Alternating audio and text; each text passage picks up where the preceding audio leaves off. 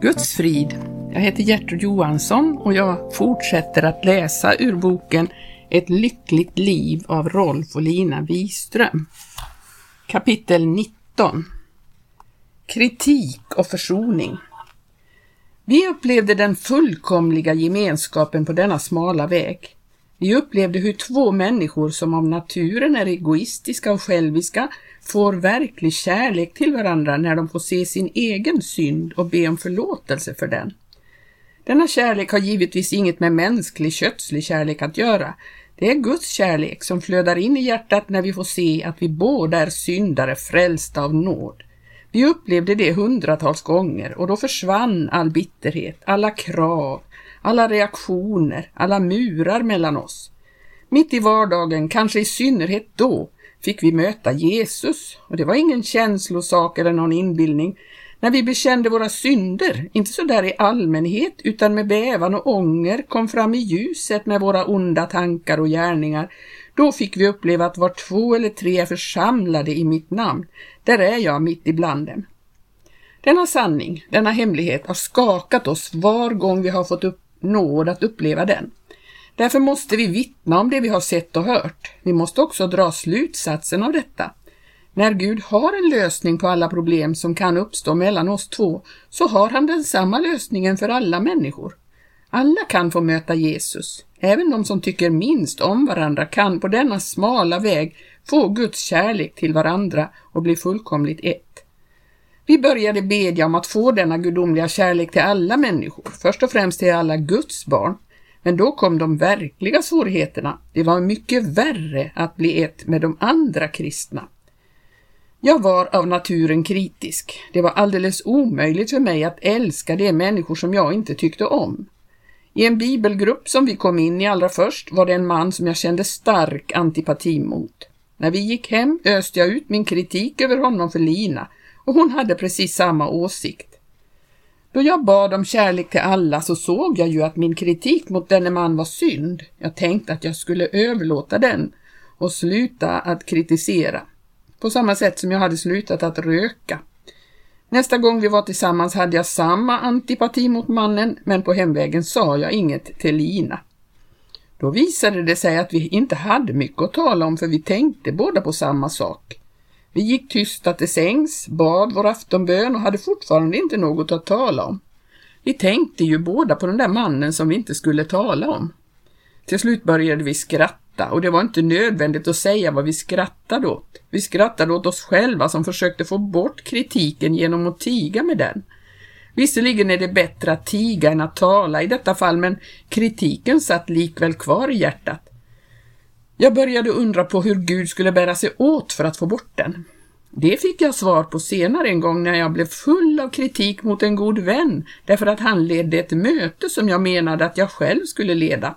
Jag stängde in mig på mitt rum och bad till Gud, arg och sårad för att jag inte fick leda mötet och förtvivlad över min kritik. Jag kände att min synd var hemsk, men jag kunde inte få bort den. Jag tyckte min natur var hopplös.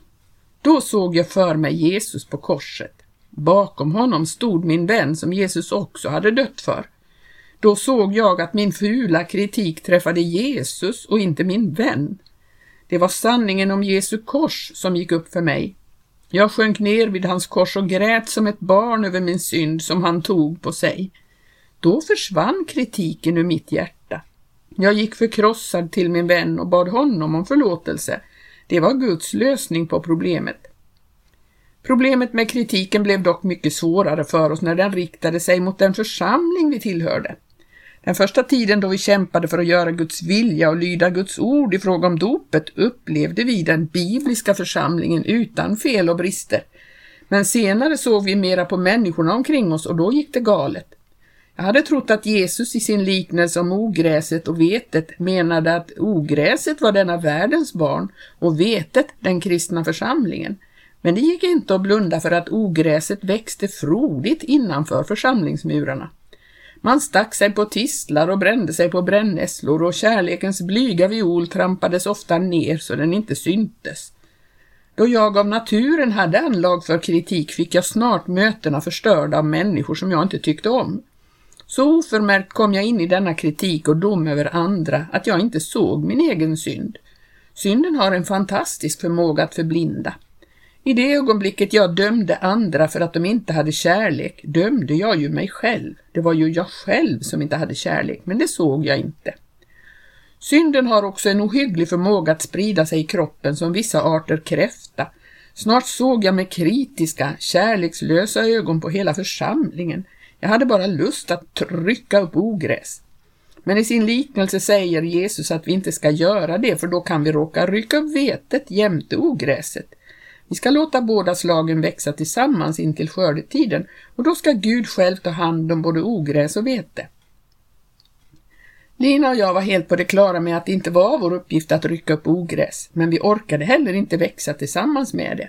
Att vi räknade oss själva för finaste sorts vete är självklart. Vi var för ömskinnade för att härda ut bland tistlar och törnen. En dag lämnade vi församlingen i all stillhet. Vi suckade av lättnad över att vi nu skulle komma ut i Guds barns verkliga frihet. Men det blev inte den frihet som vi hade drömt om därför att vi var så bundna av kritik. Det var på samma sätt som då vi hade lämnat våra liv till Gud. Då ville vi till att börja med inte bekänna det för att inte bli identifierade med de kristna. Det följde ju en viss skam med det. Nu ville vi nog tillhöra den universella församlingen men vi ville inte stå i en lokal församling. När vi nu många år senare försöker förstå den egentliga orsaken till vårt handlingssätt så får vi ett mycket enkelt svar. Till trots för allt vi hade fått uppleva av Guds kraft och nåd i denna församling skämdes vi ändå för att kallas pingstvänner. Vi ville ha pingstens kraft och eld, men inte det förhånade namnet, inte smäleken och föraktet. Alltid när Guds kraft uppenbarar sig till frälsning och under blir det motstånd och förföljelse. Innerst inne var jag rädd för det. Jag blev som förlamad första gången jag mötte otrons dom över det under jag själv hade fått uppleva. Men då glömde jag hur jag själv som ateist hade reagerat mot Guds kraft. När jag fick känna dessa reaktioner på mitt eget skinn smakade det inte så bra som när jag själv öste ut dem över andra. Jag var en fiende till Jesu kors och jag stod Gud emot, men han frälste mig av sin stora nåd och förlät mig min stora synd. Nu blygs jag inte för evangelium, till det är en Guds kraft till frälsning för var och en som tror. Vi drömde om den fullkomliga församlingen där det inga murar fanns, där alla älskade varandra och var förvandlade. Vi längtade efter den stora kärleksväckelse som skulle skapa denna underbara gemenskap, men den kom inte. Det blev den mörkaste hösten i mitt liv sedan jag hade lämnat mig åt Gud. Allt var stängt och jag förstod inte varför. Det hjälpte inte att Lina och jag hade det gott med varandra och levde i vår egen lilla privata väckelse. Gud hade en annan plan med våra liv. Men för att komma in i Guds plan måste vi följa Guds ord. Nu talar Guds ord mycket klart om församlingsgemenskapen. Det är ingen mänsklig organisation som man kan träda in i eller gå ut ur efter eget tycke. Man föds in i den levande Gudens församling och vi som lever i denna tidsålder som är församlingens tidsålder måste böja oss för den ordning Gud har fastställt för oss. Jag har alltid varit styv i nacken och haft svårt för att böja mig, men Gud har haft stort tålamod med mig. Jag började längta efter att komma på ett möte igen och en kväll gick jag till en liten pingstförsamling där ingen kände mig. Mannen på min ena sida lät mig läsa med i sin bibel. Det var en riktig läsarbibel, full av röda streck. Kvinnan på den andra sidan gav mig en sångbok och sa något om hur härligt det är att vara frälst. Jag genomströmmades av Guds kärlek under hela mötet. Min hungriga själ sög in hela denna atmosfär som en torr svamp. Min ande trivdes och kände sig hemma i allt detta som mitt kött så ofta hade reagerat emot. Då förstod jag varför allt hade varit så stängt för oss. Vi hade brutit med församlingsgemenskapen.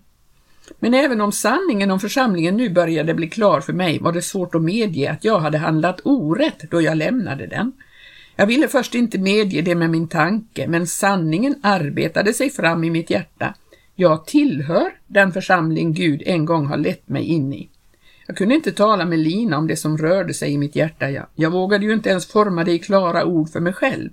Tänk vilken skam att vingla så där hit och dit när man inbillar sig att man lever efter en rak linje. Men jag fick lämna prestigen när det gäller raka linjer i mitt liv.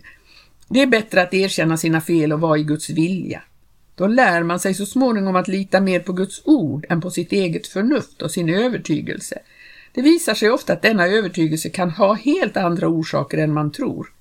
I mitt fall visade det sig att kritik, skam och fruktan skapade fram mitt beslut om att lämna församlingen. Det var den osminkade sanningen, men det såg jag inte då. Jag motiverade mitt beslut med att jag trodde att församlingarnas tid nu var slut, nu skulle alla kristna bli ett. Gud visade mig att denna enhet för min del började med att jag skulle gå tillbaka till församlingen och be den om förlåtelse för min kritik. Då jag senare gjorde det blev jag verkligt fri. Då fick jag kärleken tillbaka. Kärleksväckelsen började i mitt eget hjärta. Då fick jag också se Guds lösning på problemet om de kristnas enhet. Det var att jag skulle bli ett med de kristna, att jag skulle älska dem så som Jesus älskar mig och förlåta dem så som Gud har förlåtit mig. Jag hade konstruerat en teoretisk lösning, men Gud hade en praktisk lösning. Kritiken binder, kärleken frigör. Lina blev heller inte lycklig fastän hon nu inte behövde skämmas över att tillhöra denna församling som var föraktad av så många. Vi fick båda uppleva den stora sanningen att om vi försöker undkomma korsets anstöt och skam, då förlorar vi Guds kraft och vi kan inte leva ett segrande liv. Det är korsets stötesten som krossar högmodet i oss. En kristendom utan korsets stötesten sjunker snart ner på ett mänskligt plan. Vi hade varit borta från församlingen över ett år och det blev åter jul. Hösten hade varit lång och mörk och jag längtade efter vår i mitt hjärta. De sista dagarna av året var Lina så ner att hon bara grät. Hon visste inte varför. Jag blir aldrig glad mer, sa hon. Men jag gick i bön hela dagarna. Jag kände i min ande att natten snart var förbi. Det började sjunga i mitt hjärta. När nyårsnatten kom var vi ensamma hemma i stilla bön till Gud. Lina grät förtvivlad, men då hon tyckte att det inte fanns något hopp mer blev hon stilla. Gud talade till henne och hon lyssnade och Gud sa, du ska lägga bort dina känslor och dina tankar och bli stilla för mig. Då upplevde hon hur känslornas vågor lade sig och hur tankarna slutade att kretsa hit och dit. I den stora stillheten kom Guds kraft över henne. Kraften var så stark att jag hörde det ringa i luften. Det här kan inte förklaras, men jag hörde det och sprang upp för att öppna dörren. Jag trodde det var någon som ringde på, men det fanns ingen människa utanför. Den natten avslöjade Guds ande för Lina hur hennes hjärta var. Hon såg sitt högmod och hon bad Gud om förlåtelse. Nästa morgon talade Gud till henne och sa, du ska gå tillbaka till församlingen och be den om förlåtelse för den kritik du har burit i ditt hjärta. Då Lina sa detta till mig visste jag att detta inte var människotankar. Det var Gud som i sin gränslösa nåd tog hand om oss och ledde oss rätt. Det var obeskrivligt att komma tillbaka till församlingen och uppleva att den stod med öppna armar. Det fanns några där som aldrig hade slutat att be för oss.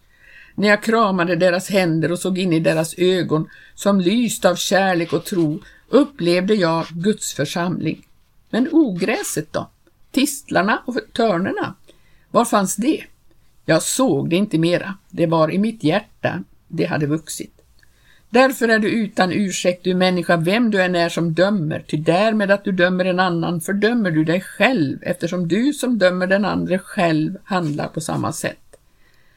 Då Lina bad församlingen om förlåtelse läste hon ett stycke ur Bibeln som på ett genialiskt sätt ger uttryck för hennes upplevelse. Åter och åter får vi komma tillbaka till dessa ord som har blivit ett program för hela vårt liv och det står i Andra Korintierbrevet 5, 14-18. Ty Kristi kärlek tvingar oss eftersom vi tänker så. En har dött för alla, alltså har de alla dött. Och han har dött för alla på det att det som leva inte mer må leva för sig själv utan leva för honom som har dött och uppstått för honom. Allt ifrån denna tid vet vi därför för vår del inte av någon efter köttet och om vi än efter köttet har lärt känna Kristus så känner vi honom nu inte mer på det sättet. Alltså, om någon är i Kristus så är han en ny skapelse. Det gamla är förgånget, se något nytt har kommit. Men allt sammans kommer från Gud som har försonat oss med sig själv genom Kristus och givit åt oss försoningens ämbete. Det enda sättet att få kärlek till människorna är att bli fylld av Kristi kärlek. Man kan kanske inbilla sig att man har kärlek till människorna, Men när det sen blir frågan om vissa människor visar det sig att den allmänna kärleken är en illusion.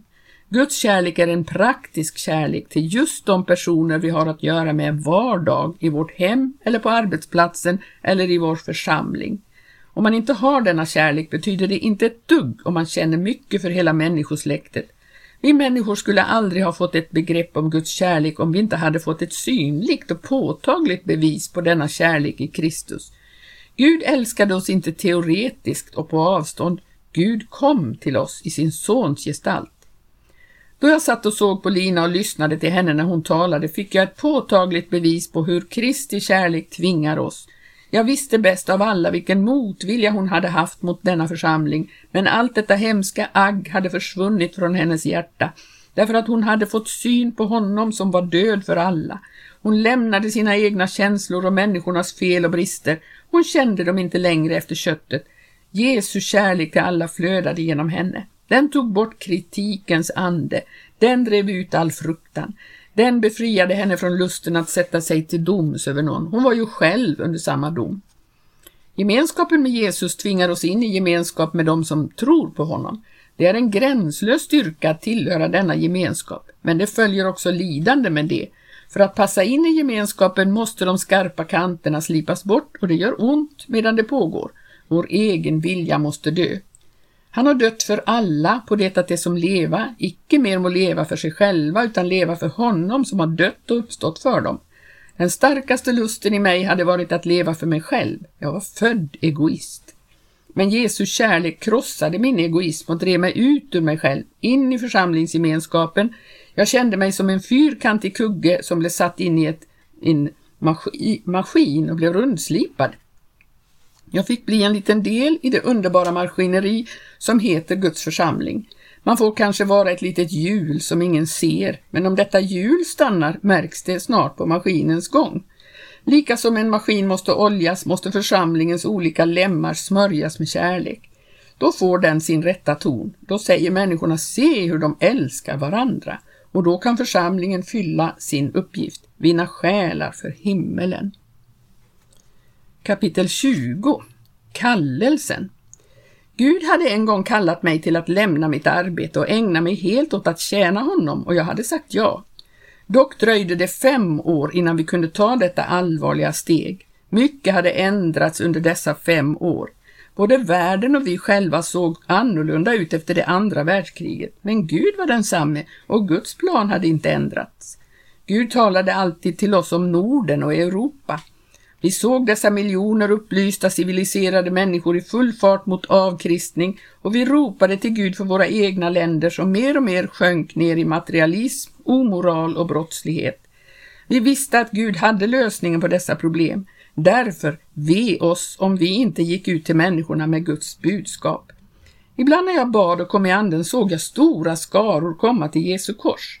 Gud talade till mig om en väldig väckelse i Norden och Europa. Gud ville ge dessa länder en sista chans innan det blev för sent. Guds ärende hastade. Vi kände att stunden hade kommit och vi skulle gå ut och resa till det land och den plats Gud hade kallat oss till. Men nu hade vi inga vänner som kunde ta ekonomiskt ansvar för oss. Vi kunde heller inte tala med så många om Guds plan med våra liv. Det var ju inte vanligt att få missionskallelse till Norden och Europa. Därför kunde vi inte räkna med mänsklig hjälp. Vi fick bara sätta oss ner och göra som Jesus sa att han, man ska göra när man vill bygga ett torn. Man får beräkna vad det kommer att kosta så att man inte slutar när bygget är halvfärdigt. Vi satte oss ner och beräknade omkostnaderna och vi fann att det kostade allt, hela vårt liv. Då blev jag gripen av skräck för framtiden, i synnerhet för barnen. Nu hade vi fått fyra barn. Det var ju jag som hade huvudansvaret för dem. Det svindlade för mig och jag vacklade. Då sa Lina full av Guds kraft. Du ska komma ihåg att du har ansvar för din hustru och dina barn och om du inte lyder Gud har vi ingen säkerhet för att våra barn blir frälsta. Då kommer vi ju inte in i Guds plan med våra liv och det kommer att bli en olycka för oss. Jag såg på henne. Tänk vilket verk Gud hade gjort med den rädda Lina under dessa år. Nu fick vi se betydelsen av alla överlåtelser i vardagslivet. Det hade varit en lång fostran för att kunna välja rätt när det stora avgörandet stund kom i vårt liv. Vi tog detta steg i tro på Guds kallelse och Guds löften. Vi kastade hela vårt liv på Gud och vi behövde aldrig ångra det. Det var precis som att överlåta hela ansvaret för framtiden åt Gud. Från den stunden fick vi uppleva under som vi aldrig hade kunnat tänka oss. Som andra brukar göra hade vi också börjat samla pengar till ett eget hus. Det var inte mycket, men det räckte för ett år ungefär. Vi betalade vår hyra och levde precis som om vi hade våra vanliga inkomster och jag kände ingen fruktan trots att vårt lilla kapital krympte ihop. Det var alldeles som om Gud inte ville att vi skulle ha något i reserv. Vi använde nu hela vår tid till att hjälpa människor till Gud. Det svåraste var att våra nära och kära nu fick dessa bekymmer för oss som vi hade lämnat åt Gud. Det var inte så lätt att svara på dessa ängsliga frågor, men vad ska ni leva av? Vägen var heller inte så lätt för oss. Vi kände att det gick neråt med oss i människors ögon, men ju smalare vägen blev, desto starkare blev tron. Till slut gjorde förhållandena det så att vi blev tvungna att ge besked om vi skulle bo i vår lägenhet vidare eller om vi skulle flytta. Då kände vi att stunden var kommen för uppbrott. Vi bad till Gud och Lina fick order. Gör er i ordning att resa till Stockholm den 20 juni. Efter bönen sa Gud att jag skulle öppna Bibeln som låg på bordet och läsa och jag gjorde det och mina ögon föll på dessa ord. Genom tron var Abraham lydig när han blev kallad och han drog så ut till det land som han skulle få till arvedel. Han drog ut fastän han icke visste vart han skulle komma. Detta hände i april. Vi trodde på Gud och började upplösa vårt hem. Det var en underbar känsla att vara alldeles löst från bohag och egendom. Jag kände mig rik och lycklig då jag gick ner till min syster med en kaffeservis och frågade om hon ville ha den. Hon satte sig ner på en stol och började gråta. Till slut hade vi bara sängarna kvar som vi låg i. Vi hade en bekant som för länge sedan hade sagt att vi kunde få ett rum i hennes lägenhet till att börja med när vi kom dit. Men då det bara var 14 dagar kvar tills vi skulle resa fick vi brev om att hyresvärden nekade att ta emot en familj med barn. Den lilla dörren vi hade sett öppen stängdes då för oss. För övrigt var det omöjligt att få valuta, så man kunde bara resa till gränsen. Sen fick man ta sina väskor och promenera över gränsen. Det var mycket besvärligt med hela familjen, men det fanns ingen annan väg. Det såg faktiskt ut som om det vi trodde var Guds ledning bara var våra egna tankar. Jag förstod inte att Gud ville pröva vår tro. Jag låg mest hela dagarna och bad till Gud bredvid en packlåda. Jag tyckte jag blev mindre och mindre, men släppa taget om Gud kunde jag inte. Då det bara var en vecka kvar kände jag att jag hade kommit till botten. Längre ner kunde jag inte komma. Jag var alldeles förkrossad och hjälplös. Det var som om alla sorger riktigt hade fått verka ut ur kroppen. Jag sa, det är ju inget att bekymra sig för, det är ju Gud som har ansvaret för detta. Vi gick på mötet på kvällen och jag blev uppmanad att vittna. Jag kunde inte låta bli att skratta för så tom hade jag aldrig känt mig någon gång. Men då jag öppnade munnen fyllde guden med ett vittnesbörd om tro så att jag blev alldeles förvånad. När jag var färdig trodde både församlingen och jag. Nästa dag fick vi brev från några andra vänner. En lägenhet på två rum och kök stod till vårt förfogande gratis i två månader. Vi läste och grät och tackade och prisade Gud. På kvällen fick vi höra att riksdagen hade beslutat att gränserna skulle öppnas för vanlig trafik den 20 juni. Dessutom skulle alla resenärer få en viss summa svensk valuta på passen. Det var överväldigande för oss. Jag försökte att köpa biljetter den 19 men jag fick vänta till den 20 juni, den dag Gud hade talat om för Lina två månader i förväg. Då den dagen kom var vi klara och det var bra, för då var allt klart från Guds sida också. När vi hade kommit upp på tåget och rullade ut från stationen var alla broar brända bakom oss. Hela vår framtid låg i Guds hand. Vi stod helt och hållet till Guds förfogande. Han fick leda oss precis som han ville. Snart sov barnen, vi satt tysta och såg på varandra när vi åkte över gränsen. Ett par tårar rullade ner över Linas kinder. Nästa morgon gick vi ut ur kupén och tågade fram på perrongen i en lång rad. Vi släpade på våra väskor och till och med lilla Olav fick bära ett paket. När vi kom in i den lilla lägenheten strömmade solen in. Vi föll på våra knä och tackade Gud. Det hela var så overkligt och sagolikt. Jag glömmer inte att Lina sa vi ska resa om vi så ska ligga i tält. Hon menade det. Det var ju heller inte första gången vi gjorde det och jag var fast besluten på att göra vad arbete som helst. Men Gud hade en annan plan. På bordet låg flera kort med välkomsthälsningar och blommor från vänner. När jag öppnade ett brev såg jag en sedel och när jag vecklade ut den fick jag se att det var tusen kronor. Till mat den första tiden stod det i en hälsning. Och jag sjönk ner på golvet och tackade Gud under tårar. Det blev ingen plats för ekonomiska bekymmer.